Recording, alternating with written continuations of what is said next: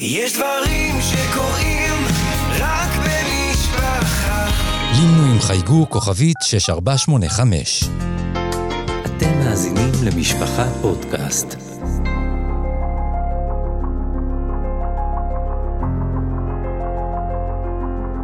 צו השעה, שיחות עם אנשי מקצוע על הורות וחינוך בשעת חירום. מגיש יהודה איזקוביץ'. מול האירועים הקשים והמראות המזעזעים שנחשפנו אליהם מאז שמחת תורה, הציבור גם נחשף לתופעה מדהימה של ערבות הדדית ועשיית חסד בהיקפים אדירים. החל מבני הישיבות שחזרו מיד להיכלי התורה וניהלו משמרות לימוד סביב השעון, ועד אינספור מיזמים פרטיים וציבוריים לסיוע בכל דרך אפשרית, לכל אדם ולכל צורך. על התופעה המדהימה הזאת אנחנו רוצים לעסוק בפרק הזה, ונבקש לעסוק בתועלות החינוכיות הקיימות בשדה החברתי-קהילתי, ולשם כך זימנו לאולפן את שניאור רוכברגר, הממונה על תחום חינוך חברתי-קהילתי לבנים במחוז החרדי, ואת אליעזר בלוך, שהוא מפקח מהמחוז החרדי במשרד החינוך. אז נתחיל איתך, אליעזר, ספר לנו קודם כל, מה זה בדיוק התחום שאתה עוסק בו? מפקח במשרד החינוך, המשמעות שלו שהוא ממונה על הרישוי לבתי הספר, לתת להם את הרישיון שהם פועלים על פי הכללים שקבע המשרד, מסייע למנהלים באתגרים שיש להם, וגם מצמיח מנהלים בראשית דרכם כדי לכוון אותם בעולם הניהול. זה התפקיד. אוקיי, okay. וכשאנחנו מדברים פה על נושא של חינוך בהקשר של uh, מיזמים חברתיים כמו שראינו, קודם כל תוכל לתת לנו כמה uh, דוגמאות, לסבר את האוזן כדי שנבין על מה בדיוק אנחנו מדברים, אולי אנשים לא נחשפו לכל הפעילויות שהיו אז. אז המלחמה הזו זימנה, כמו כל משבר שיש בו הזדמנות, אפשרות לצאת החוצה, מחוץ לכיתה, ולהתנסות באזורים שאנחנו לא מורגלים אליהם ביום יום. אחד המקומות המשמעותיים שבהם באנו לידי ביטוי אה, והצלחנו להמשיג אה, ערכים חינוכיים, היה ההתנדבות בחקלאות. בעצם חקלאי ישראל עמדו בפני שוקת שבורה, אין להם פועלים. תלמידים הלכו ויצאו החוצה לעבוד בחקלאות. וקרה פלא, בעצם פעם ראשונה תלמידים יכלו להתבונן על דברים שהם טריוויאליים בחייהם, כמו איך גדל פרי, מה התהליך שהוא עובר, מה המאמץ הכרוך בזה. רק לחשוב על הערך שהם ניכסו לעצמם ביחס איך אני מתייחס לאוכל, איך אני מתייחס למאמץ ולהשקעה, מה המשמעות של החקלאי. זה כבר ערך חינוכי שאנחנו מצליחים לאמץ לעצמנו במרחב הזה של העשייה החברתית. מעבר לזה, הלקיחת אחריות, כשמבקשים ממך לפרק ולקטוף עץ תפוזים. אנחנו חושבים שזה בקל, ואז אתה מתבונן מתחת לעץ ואתה מתברר שיש לך עוד עשרות תפוזים. ואתה אומר שנייה, אני יכול לנטוש באמצע? לא, אני לא יכול לנטוש באמצע, אני חייב לסיים את המשימה, אין מי שיעשה את זה במקומי. אז יש פה לקיחת אחריות, יש פה בחירה, אני יוצא החוצה, זה בחירה של המנהל, זו בחירה של התלמידים, וגם גבולות, סמכות, פתאום אין כיתה, אין ארבע קירות. מה אנחנו עושים, איך אנחנו מתמודדים. המקום הזה שבו אנחנו יוצאים החוצה אל מרחב שאנחנו קוראים לו המרחב החברתי, הוא מקום מצוין להביא לידי ביטוי את אותם ערכים שאנחנו מחנכים אליהם. והרש"ר הירש והאדמו"ר מפייסצנה מדברים על זה במובהק. אם חינכת תלמיד לערך מסוים ולא נתת לו להתנסות, לא קיימת מצוות חינוך. אדם יכול לעבוד שנים ולחשוב שהוא מחנך, אבל הוא לא נתן זירת התנסות. והוא בעצם איבד את כל התועלת שבהוראה, אנחנו קוראים לזה ההוראה הפורמלית בכיתות. והמקום הזה שאנחנו יכולים לעשות חינוך בלתי פורמלי, שנסביר את זה עוד רגע, מה המשמעות של זה, ואיך הורים יכולים לעשות את זה בבית, ואיך מחנכים יכולים לעשות את זה בכותלי בית הספר, אני חושב שהמלחמה נתנה לנו המשגה נפלאה מתוך הכרח. יפה. אז יש לנו גם פה את אה, שניאור רוכברגר. קודם כל תסביר לי מה תפקידך בפועל. אוקיי, okay, אז התפקיד שלי בעצם אה, במערכת החינוך החרדית, היא שאני מתעסק במקצועיות של הצוותים החינוכיים, גם בתוך מוסדות חינוך, אבל גם מחוץ למוסדות החינוך במסגרות שונות, במה שקשור להטמעת ערכים, מיומנויות, כישורים חברתיים, זהות ושייכות. יש לנו שותפים שונים שעוסקים איתנו בתוך הזירה הזאת, אבל אני קצת רוצה להתמקד בזה. כשאנחנו מדברים בעצם על ערכים, אנחנו מדברים בעצם על דברים שאדם צריך לשלם עליהם מחיר. למשל, אם אני הולך לסופר וקונה בעוד שני שקלים משהו קצת יותר כשר, זה אומר ש, שאני שילמתי מחיר על משהו. ואנחנו רוצים שלבן אדם יהיה כמה שיותר דברים, שהם כמובן דברים עקרוניים, שהוא מוכן לשלם עליהם מחיר. זה בסוף בונה את הזהות של הבן אדם. גם ערכים שהם ערכים אה, אה, בין אדם למקום, וגם דברים שהם בין אדם לחברו. בגדול זה הסיפור. סביב זה אנחנו מבינים שיש לנו את סוגיית המיומנויות, שאולי כדאי שניגע בה בהמשך. אוקיי, אז אחרי שהבנו בגדול את הרעיונות, בוא נתחיל להוריד אותם לשטח. בוא תסביר לי אתה, אה, אליעזר, איך, איך, איך הדברים מתיישמים בשטח, איך הדברים האלה באמת עוברים בצורה חינוכית, איך הופכים ילד לאחראי יותר, את כל הדברים שאמרת קודם, איך זה מתיישם בשטח. מעולה. אז בוא, בוא נכיר רק שלושה ממדים, או שלושה ערוצים שבהם מתקיים חינוך. חינוך, בלשונו של רש"י, זה להרגיל. רש"י מסביר לנו שלחנך זה בעצם לחנוך, זה להרגיל. מה זה אומר? שבסופו של דבר אני מעניק ידע שאמור להוביל תהליך שינוי, שאותו תלמיד יאמץ אותו ויתנהל על פיו. מה שאנחנו כולנו מכירים זה החינוך הפורמלי, גדלנו על פיו. אדם נכנס לכיתה, יש לך שמונה בבוקר את התפילה, ולאחר מכן את השיעורים, ויש לך את המטלות והכתיבה. זה החינוך הפורמלי. הקוטביות שלו זה החינוך האפורמלי, כל מה שקורה איתך בחיים ולומד אותך איך לנהוג. הלכת ברחוב, נתקלת באבן ונפלת כנראה בגיל שנתיים שלוש, אתה למדת שאתה הולך ברחוב ומסתכל כדי לא ליפול, למדת. כדי לדעת איך לנהוג אחרת. אז זאת אומרת יש לנו חינוך עולם א-פורמלי, חינוך פורמלי. מה שאנחנו רוצים היום לדבר עליו זה בעצם הזירה שנקראת חינוך בלתי פורמלי. זה בעצם המקום שבו אנחנו לוקחים כמה שיותר ידע אה, או, או מושגים מהמקום הא-פורמלי, כמו איך אני מתנהל בחברה, כל מיני ערכים שלמים, ולוקח שיטות וארגון מהמקום הפורמלי, ועושה, אה, נקרא לזה סלט, מרכיב אותו מחדש ומגיש אותו לתלמיד. אם אני אתן, אני רוצה לתת הדגמה אה, פרקטית אה, להורה, או אפילו למחנך. אנחנו יודעים שאחד מהדברים המשמעותיים ביותר, הערך הבסיסי ביותר, נקרא לזה ככה, שעליו אתה יכול לבנות אה, סט ערכים שלם, ושניאור ודאי אה, יוכל לדבר ולהרחיב על כך, זה הערך שנקרא תחיית סיפוקים. אם לא, אה, אם ילד לא למד לדחות סיפוקים, יהיה מאוד קשה להקנות לו כל תהליך למידה נוסף. כי הוא רוצה את הכל כאן ועכשיו, ולמה למה ללמוד, למה להשתות את התהליכים. וכשאני מחנך לתחיית סיפוקים, אז אני יכול בבית כבר בגיל שנתיים, שלוש, לומר, אתה רוצה משהו? בוא נראה. בוא נראה מה זה תלוי, מה אתה עושה בשביל לקבל את זה. בניתי לו כבר מסוגלות, הענקתי לו ערך דרך חינוך בלתי פורמלי. אני יודע שהוא צריך את זה לחיים, אני יודע שאם אני מדבר, לוקחתי דיבור, המשגה מהחינוך הפורמלי ויצרתי סלט שנקרא חינוך בלתי פורמלי, זה כבר בגיל הקטן.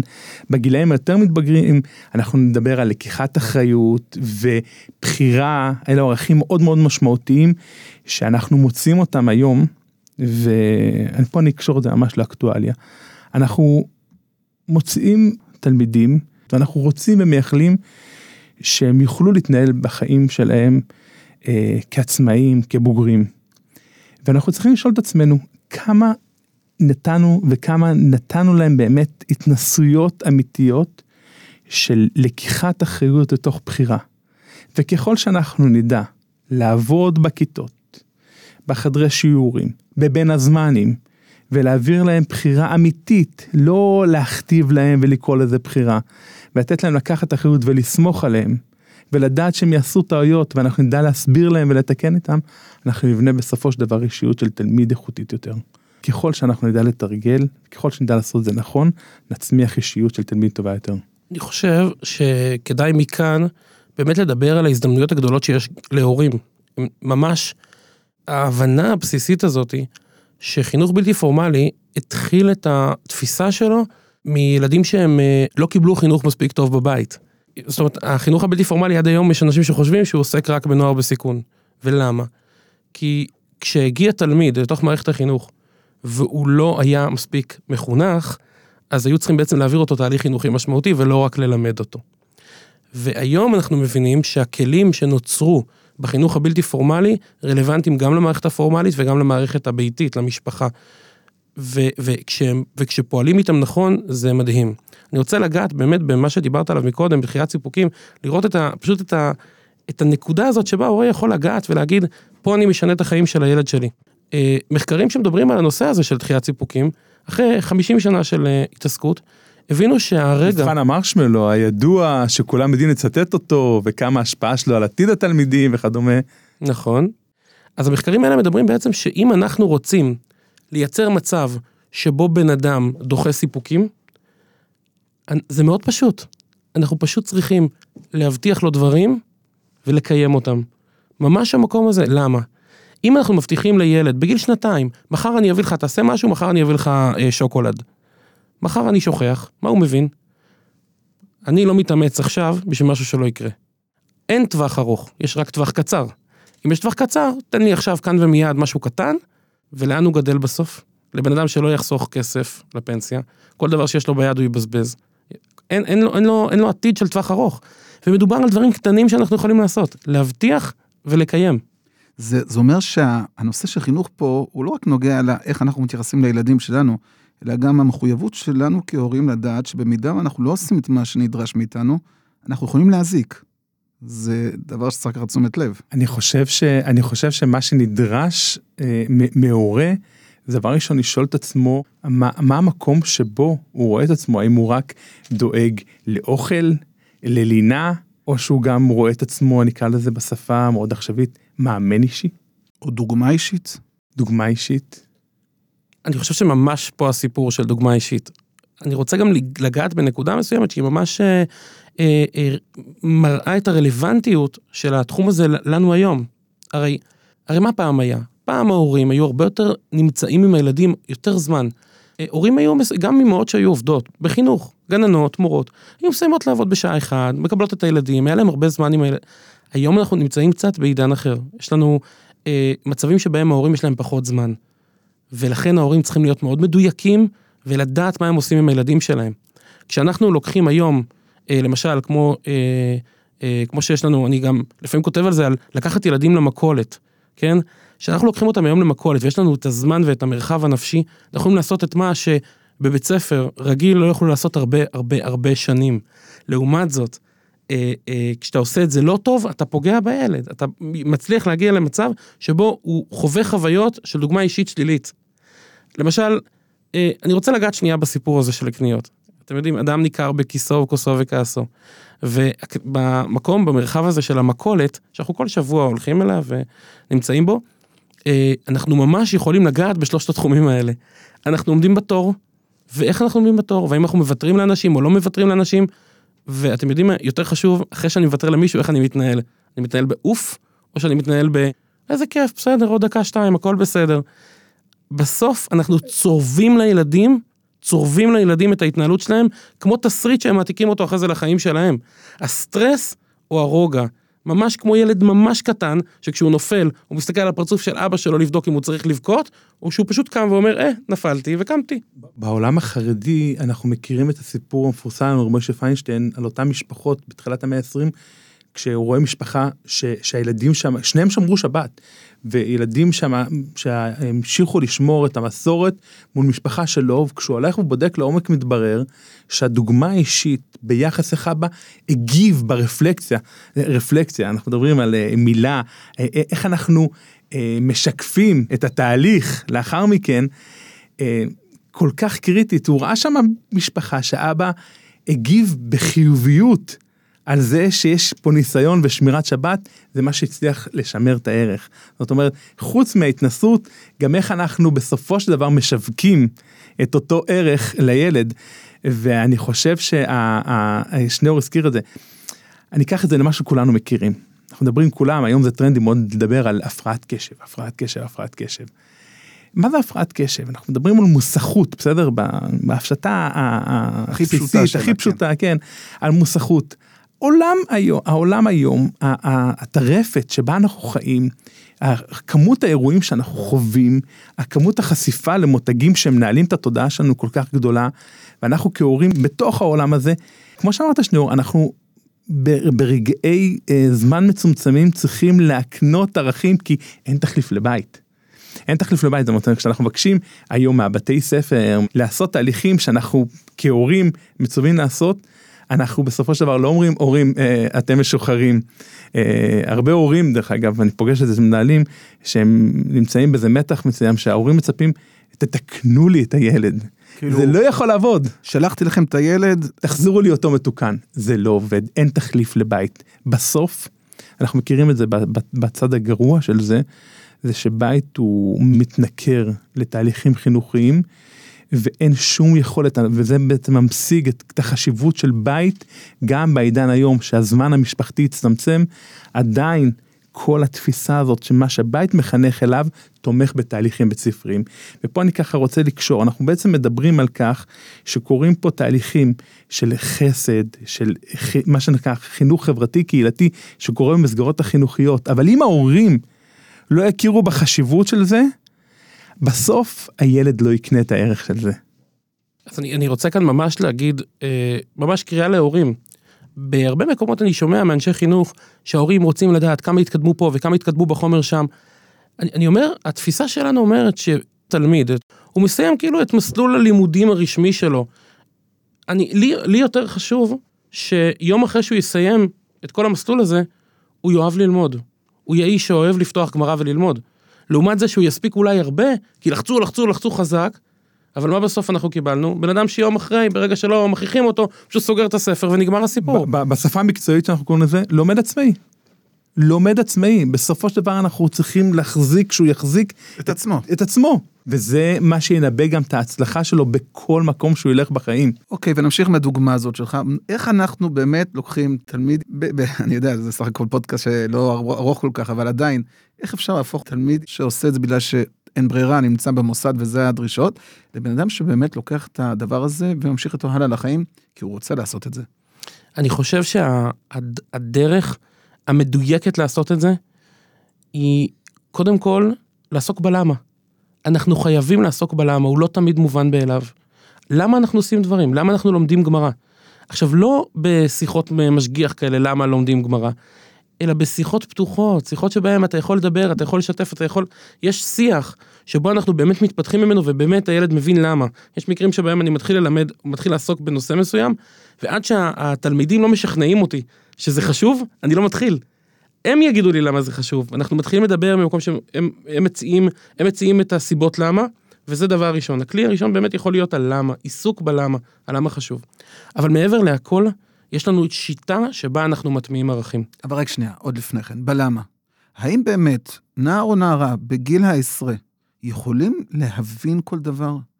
האם אין באמת שלב שאתה אומר, תקשיב, אתה צעיר מדי בשביל להבין את המכלול, אז לפעמים צריך להגיד לך, תעשה את זה, ואולי בהמשך אתה תבין יותר טוב. אוקיי, אז קודם, יש לי שתי תשובות. יש לי תשובה שהיא אמונית, ויש לי תשובה שהיא, שהיא פרקטית חינוכית, ושתיהן בסוף מכוונות לאותו מקום. התשובה האמונית אומרת שאם בגיל 13 אה, הבן, הבן עולה לתורה וזורקים עליו סוכריות, והאבא צריך להגיד ברוך שפטרני, אנחנו באמת מתכוונים לזה שאלוקים נתן לו את הכוחות, מהר... לקחת אחריות, לקחת אחריות על עצמו. אה, לקחת אחריות על אחרים ייקח לו עוד כמה שנים, אבל על עצמו זה הרגע שבו הוא צריך לקחת אחריות, לפחות מבחינה רוחנית, מבחינה אחריותית. אה, יש כאלה שאומרים שהנוער של היום הוא לא הנוער של פעם. אה, את המשפט הזה אגב מצאו בחפירות ארכיאולוגיות מלפני 3,000 שנה במצרים, אה, מה שאומר שהמשפט הזה הוא לא... שאין חדש. אין חדש. אין חדש.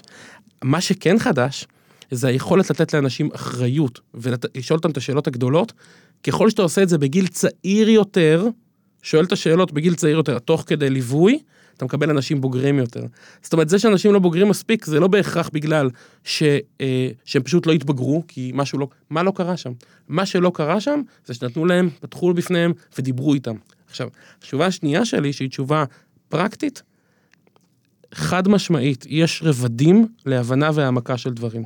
והכלי הזה שמקודם אה, אה, אליעזר דיבר עליו, שהוא הרפלקציה, הוא כלי שכל איש חינוך חייב לשלוט בו, וכל הורה צריך לש, לשלוט בו. ולרפלקציה, שזה נושא מאוד גדול, יש כמה רכיבים. למשל, היה לנו עכשיו חוויה טובה בללמוד משהו, נשאל אותך איך הרגשת. וברגע שזה הופך להיות חלק ממך, ומה תפסת, ומה חשבת לפני, ומה אתה חושב עכשיו. זה מתקף, זה מתקף את התהליך, אבל אני חושב שיש עוד משהו שהוא אולי הוא קודם לזה, אני קורא לזה בתשתית, בסופו של דבר, של איך אנחנו מנהלים שיח. ואני רוצה לגעת פה בנקודה שהיא קצת כואבת. אנחנו רגילים לראות באנשי החינוך סמכות, וזה נכון. כי משה קיבל תורה מסיני ומסרה ליהושע, וככה אנחנו מנחילים את ערכי התורה. אין ספק שדמות המחנך היא דמות סמכותית שמעבירה בשלשלת הדורות את המסורת שלנו ואת הזהות שלנו. אבל כדי שבסופו של דבר תלמיד יוכל לקבל, וכמו שאמר שניאור, והמחנך יוכל לבצע, לבצע איתו רפלקציה ותיקוף של התהליכים, צריך שבמרחב, בקשר ביניהם, יתקיים משהו. ופה אני יכול להציע הצעה פרקטית שהיא נכונה ל, ל, לבית ספר, והיא תהיה נכונה גם בבית. אנחנו קוראים לזה סדנה. אנחנו קוראים לזה צורת ישיבה. אם אנחנו יושבים ואנחנו מזיזים את השולחן שנמצא בין המחנך לבין התלמידים, שהשולחן הזה הרבה פעמים הוא מטאפורה לאיזה גבול, לאיזה, דיסטנס שאני יוצר ביני לבין התלמידים, ואני מזיז אותו ואני יושב לפני השולחן, ואני אעשה את זה אפילו פעם בשבוע. למיטיבי לכת אני אגיד, תעשה את זה בשעת מחנך בבוקר, בסדירות קבועה. ואתה יושב ואתה מנהל את השיח.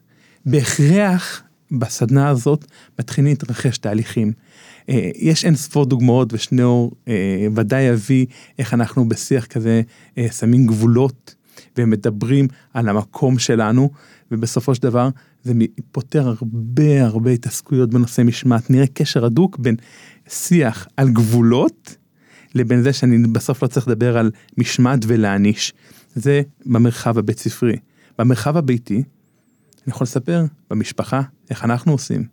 אתה לוקח כלי, קלפים חברתיים, מכין לפני שבת. ליל שבת זה זמן, דרך אגב, אנחנו ברוך השם, הקדוש ברוך הוא דאג לנו וייסד לנו סדירויות שבהם אנחנו דואגים לזמן משפחתי. וזה מתנה, מתנה ש... שהיהדות מביאה לכל האנושות.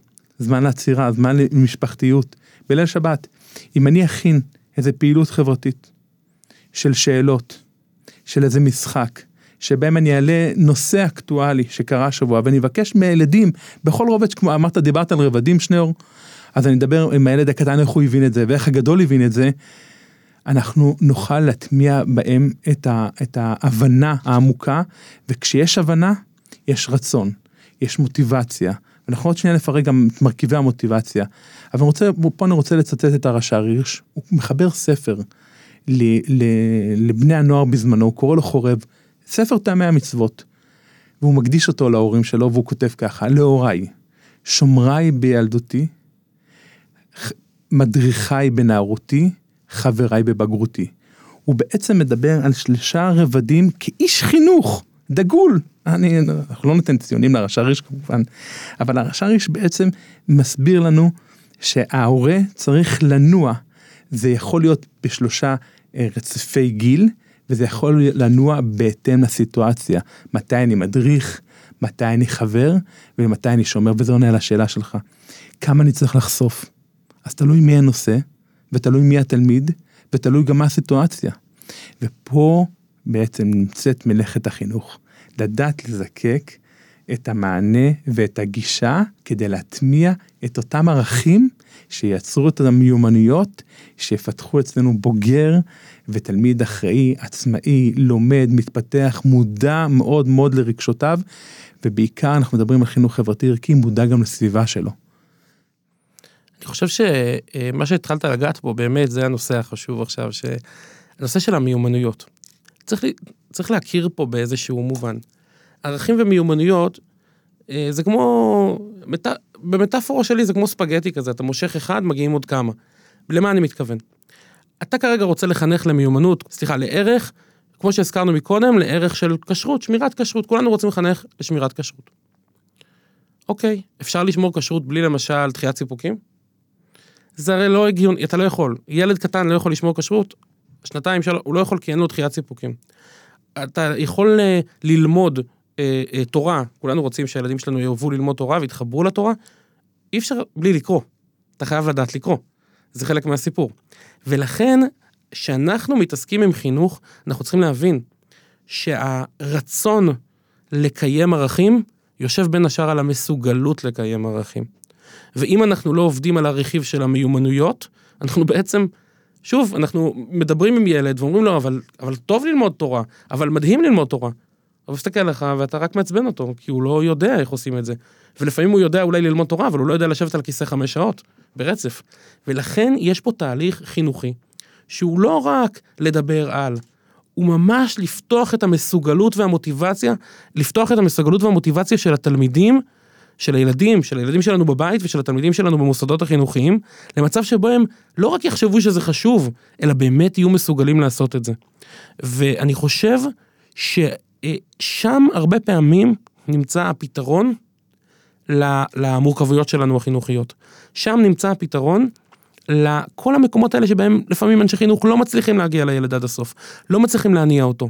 וקרה לי ממש השבוע, שאני דיברתי עם איש חינוך, והוא אומר לי, תקשיב, אני, אחרי שישבתי אצלך באיזשהו קורס, אה, דיברתי עם אחד התלמידים שלי שהוא לא מצליח, הוא לא, לא, לא הולך לו, ופתאום ישבתי איתו תגיד, אתה מסוגל לעשות, אתה מרגיש שאתה מסוגל לעשות את זה? פתאום הורו עיניו, והוא אמר, אני לא חושב שאני מצליח, מה אני צריך לעשות? איך אני יכול לבנות את זה? ובאותו רגע פתאום המחנך מתחיל באמת לחנך. כי הוא באמת מתחיל לקחת את הילד יד ביד וללכת איתו ליד. אני חושב ששם הסיפור של המיומנויות, שהיום גם העולם הגדול מדברים על כל הנושא של מיומנויות המאה ה-21. רגע, רגע, רגע, רגע. לוקח אותו יד ביד והולך איתו בדרך. תן לי משפט, שניים, מה זה הדרך הזו שאתה מדבר עליה? מה קרה שם? מה לא היה לפני כן שעכשיו קורה? אני אסביר. השלה הקדוש, שהוא מסתכל בעצם על הפסוק הזה, זה כלי וענווהו, אלוקי אבי וארוממנו, הוא בעצם מחלק את הפסוק לשניים. אלוקי אבי, זה אלוקים של אבא שלי. למה אני עושה דברים? למה אני מתפלל? כי אבא שלי עשה. בדיוק. אבל מה, התוצאה היא וארוממנו. זה מרומם ממני, זה לא שלי. זה למעלה, זה למטה, פה נגמר הסיפור. איפשהו, בתהליך ההתפתחות וההתבגרות של כולנו, וזה נוגע גם לערכים יהודיים, כמו תפילה, כמו זה, אבל גם בדברים פשוטים. גם לכל דבר שאמרו לנו כללים, תעשה ואל תעשה. יש רגע מסוים שבו צריכים לעבור לתהליך אחר, שזה כלי, זה שלי, זה אני. ואז וענווהו, למי שמכיר, אני והוא זה דרגת קירוב מאוד גדולה, זה ממש, זה שלי, זה אני. וזה התהליך שצריכים לעבור בתהליך ההתבגרות, שהחינוך הבלתי פורמלי מתמחה בו בגיל ההתבגרות. בתהליך הזה, שבו אתה מעביר דברים ממה שנקרא מוטיבציה חיצונית, אתה עושה את זה בגלל מישהו אחר, בגלל משהו אחר, למוטיבציה פנימית, למשהו שאתה עושה כי אתה באמת מאמין ומחובר לדבר הזה. אני חייב לומר פה, שאנשים שעושים, כולנו עושים דברים מסוימים עם מוטיבציה חיצונית, אבל אנשים שעושים דברים רק מהמקום החיצוני, שבגלל מישהו, בגלל שמישהו הסתכל, בגלל שמישהו אמר, בגלל שאבא שלי אמר, או בגלל איזה פרס או משכורת, זה סבל. אנחנו צריכים לגדל אנשים שיש להם איזשהו עולם שמחוברים אליו, שהם מרגישים בו טוב, שהם מאושרים בו, ואז יכול להיות שקצת מהדברים, להוציא את הילד מהמעון בדיוק בזמן, זה אולי ייקח, אה, יהיה מחויבות אה, אה, לזמנים. אבל כל השאר יהיה מחיבור פנימי, תפילה תהיה כמו שצריך, ולימוד תורה יהיה כמו שצריך, וה, ו, ועזרה לזולת תהיה כמו שצריך, והכל מתוך פנימיות. עכשיו, בנושא הזה, אפשר לגעת באמת במבחן היהודי לחינוך. הפסוק הזה, שהרבה פעמים מדברים עליו ומתעסקים בו, והוא כאילו, כאילו פסוק כזה, אנחנו, אנחנו כל היום עסוקים בו, ואפשר שנייה לפתוח אותו. יש לנו את המושג הזה של חנוך לנער. חנוך לנער זה המקום שבו אנחנו מכתיבים לילד מה לעשות. ואנחנו כן, אנחנו אנשי חינוך, אנחנו נועדנו, ומטרתנו ותפקידנו להכתיב לילדים ערכים. ובטח ב, ב, אנחנו בתור אנשי חינוך אה, אה, אה, חרדים, ש, שאנחנו, יש לנו תורת ישראל, אנחנו יודעים להכתיב דברים. אבל מגיע השלב של על פי דרכו. על פי דרכו זה סיפור שבו שנייה, שנייה, יש, לב, יש לילד שנייה את האופי שלו, את הטבע שלו, את המרחב שלו וגם את התפקיד שלו האחר בעולם. חנוך לנער ועל פי דרכו זה, זה מתח מאוד גדול. חנוך לנער זה תכתיב, על פי דרכו זה תשחרר. אבל הסוד כאן הוא שרק אם תפעל בשיטה הזאתי, רק אז אנחנו נעמוד במדדים האלה שיקרו בסוף שזה הגם כי יזקין. ומה זה הגם כי יזקין? גם כי יזקין, תחשבו על גיל 25. אין משגיח בישיבה, אין אה, מנהלת סמינר, אין כלום. אף אחד, אין כבר מוטיבציה חיצונית.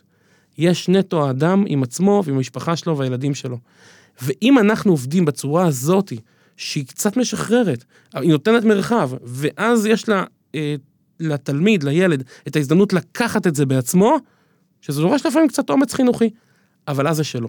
ואז בגיל 25 הוא לא פתאום נופל לחיים ואין כלום, יש לו כבר את כל הכלים ואת הכוחות לעשות את זה בכוחות עצמו. אני רוצה, אני רוצה רק אה, להוסיף פה נקודה, כי בס- בסופו של דבר אני אומר, הורים שומעים אותנו, מחנכים שומעים אותנו, ואני אומר, אה, אנחנו רוצים להוציא אותם עם איזה מתנה. כן. אני רוצה להוציא אותם מתנה. אני רוצה להעיר פה אה, נקודה במרכיבי המוטיבציה. אה, שניאור תמיד מדבר על זה בקורסים, וזה ממש יסוד, וברגע שאדם מבין את זה, גם קל לו יותר להתנהל. מוטיבציה זה אומר שאני מכיר בערך, את החשיבות, ומכיר במסוגלות, ביכולת שלי לנוע אל אותו ערך. ואם אנחנו נתעלם ונחשוב שמה שרק אנחנו חושבים שזה חשוב, התלמיד יצטרך לבוא אליו ולא נשאל את עצמנו כמה הוא מסוגל, כמה הוא רוצה את זה, אנחנו עלולים לשכוח. ומה שאנחנו מבקשים בפודקאסט הזה, זה פשוט להעיר את האנשים, שימו לב, האם אתם רצים מהר מהר מהר, ומי שאתם אמורים להוביל אותו נשאר, נותר לבד. ופה הרב וולבה אומר לנו, תזכרו טוב, האדם הוא יצור חד פעמי, לא היה כמוהו, לא יהיה כמוהו, ובין כל הדורות אין כמוהו. גם עכשיו אין כמוהו. הוא מופע חד פעמי, ועל המחנך מוטלת החובה ההיסטורית, אין עוד, אין, לא יהיה מי שיעשה את זה במקומו. לתקן את האדם ולהפוך אותו לאדם שלם. ואני מקווה מאוד שפתחנו פה איזה צוהר למרחב שלם שבו אפשר לפעול כדי לקיים את מצוות החינוך ולגדל את, את התלמידים שלנו, את הבנים שלנו, בדרך ישראל סבא בצורה נכונה. שניאור, תרצה לסכם את הדברים מהזווית שלך? כן, אני חושב שקודם כל, ההורים, יש לכם, יש להורים כוח אדיר. ההורים בעצם הם המחנכים של הילדים. אני חושב שהורים גם יכולים בצורה מכובדת וטובה להתחבר למוסדות חינוך ולהוביל את הילדים ביחד, ביחד, בשיתוף פעולה, למטרות חינוכיות טובות והכנה אמיתית לחיים. הכנה אמיתית לחיים מחוברים, חיים שבהם כל ערך יהודי, וכל ערך, אה, אה, אה, וכל המידות הטובות, וכל הדברים הטובים שאנחנו רוצים שיהיו לילדים שלנו, ומי כמו ההורים הכי חשוב להם. הם, הם כל החיים, כל החיים עם הילדים, גם אחרי שילדים מתחתנים, המידות הטובות, החיים הטובים, אנחנו יכולים היום לעשות שיתוף פעולה, וכל הורה יכול לבוא למוסד החינוכי שהבן שלו לומד, וכשאתה בוחר מוסד חינוכי לילדים שלך, תבדוק האם עושים שם שעת מחנך, האם יש שם מחנכים שבאמת רואים את התפקיד שלהם לא רק בללמד, אלא לחנך, והאם אה, יש להם אה, את הכלים ואת היכולת אה, להוביל את הילדים למקום מחובר, למקום טוב, למקום בריא. אני חושב ששם הסיפור. כשאנחנו בתור הורים הולכים למוסדות חינוך שלנו, של הילדים שלנו, ומבקשים ומחפשים את הדבר האמיתי, את הדבר הזה, המוסדות אומרים, אה, את זה רציתם? איזה יופי, איזה יופי, את זה אנחנו יכולים לעשות. ואז הילדים מתפתחים והמוסדות משתפים פעולה, ואני חושב שלשם אנחנו צריכים אה, לחתור ולהגיע, וזה בידיים שלנו. טוב, יכלנו להמשיך ולשוחח עוד שעה ארוכה, הנושא הוא מרתק, הוא מעניין, וכל כך נצרך ונדרש בכלל ובפרט בדור הזה. אבל uh, בשלב הזה אנחנו ניפרד ממך, uh, שניאור, וממך אליעזר. תודה רבה על זה שהגעתם לאולפן, אני מקווה שהדברים יהיו לתועלת לטובת המאזינים שלנו. ובהזדמנות הזאת, אנחנו מזמינים אתכם להאזין לפרקים הנוספים של הפודקאסט צו השעה. תודה רבה. תודה רבה. האזנתם לצו השעה מבית משפחה פודקאסט, אני יהודה איזיקוביץ'. תודה לעורכת תהילה סיטון, למפיקה איילה גולדשטיין. אפשר להאזין לפרקים נוספים בכל אפליקציות הפודקאסטים, באתר משפחה ובקו הטלפון 02-652-3820, שלוחה 45.